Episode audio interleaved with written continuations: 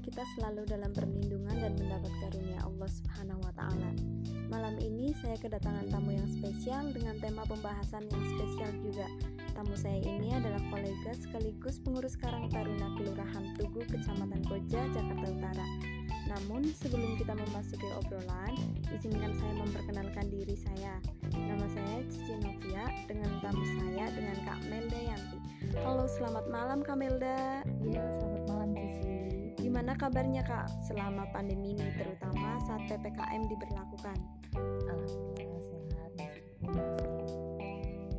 Masih dalam kondisi seperti ini ya Kak. Kita nggak bisa keluar-keluar bebas. Alhamdulillah. Ngomong-ngomong nih Kak tentang PPKM atau pemberlakuan boleh dijelasin sedikit nggak Kak tentang bagaimana PPKM ini diberlakukan?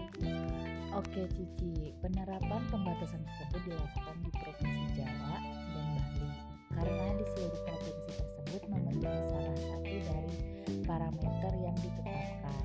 Sementara itu, pembatasan aktivitas yang dimaksud meliputi pertama, membatasi tempat kerja dengan work from home. 75% dengan peneta, penerapan protokol kesehatan secara ketat.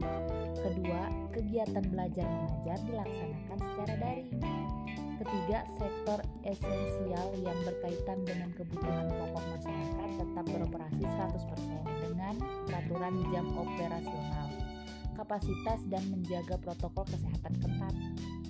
Keempat, melakukan pembatasan terhadap jam buka di pusat perbelanjaan sampai pukul 17 eh 19 19 nol nol. Nol. cuma nyampe jam 7 malam ya Kak? Iya benar. Kemudian makan dan minum. Makan dan minum di tempat maksimal 25% dan pemesanan makanan melalui delivery tetap diizinkan.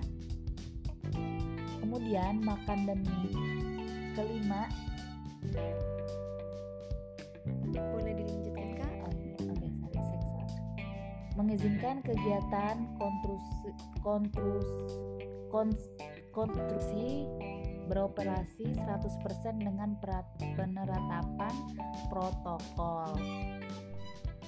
Kese 6 mengizinkan tempat ibadah untuk melakukan pembatasan kapasitas sebesar 50% dengan penerapan protokol yang ketat.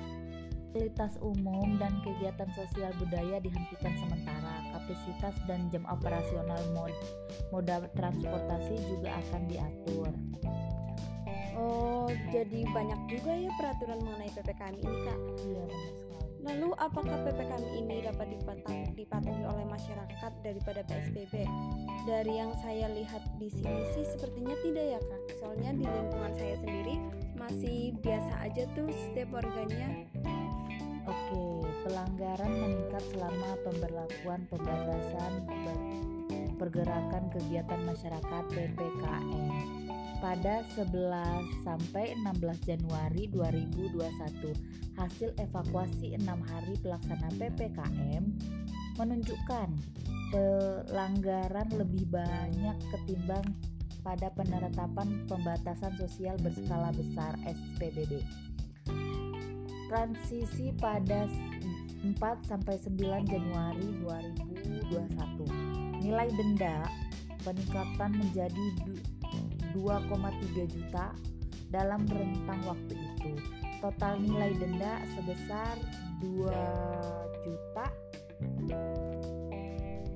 Oh jika dilihat dari data yang kakak sampaikan sepertinya PPKM nggak terlalu ngefek juga ya kak untuk PSBB. Dan jika dilihat juga masyarakat kita belum terlalu patuh dengan PPKM ini. Menurut Kak Melda sendiri gimana kak? Apa yang membuat masyarakat kita itu enggan atau jarang tidak patuh dengan PPKM ini? dua faktor. Faktor pertama masyarakat mungkin take off granted, mungkin mereka jenuh berkepanjangan hal yang sama pada seluruh dunia mengalami hal yang sama. Melihat kedua, melihat melihat terjadi pelonggaran-pelonggaran akhirnya jadi ikut-ikut longgar juga. Oh, jadi mereka ikut-ikutan. Ya yang di sana juga bisa pergi-pergi akhirnya ikut-ikutan kayak gitu ya, Kak. Iya benar. Sama sih sebenarnya teman-teman saya juga begitu. Lalu untuk selanjutnya Kak, apakah ada lagi faktornya? Iya, kemungkinan tidak kedisiplinan petugas juga. Oh, Oke, baik Kak. Terima kasih Kamelda sudah meluangkan waktu dan kehadirannya di sini bersama saya dan teman-teman pendengar di luar sana.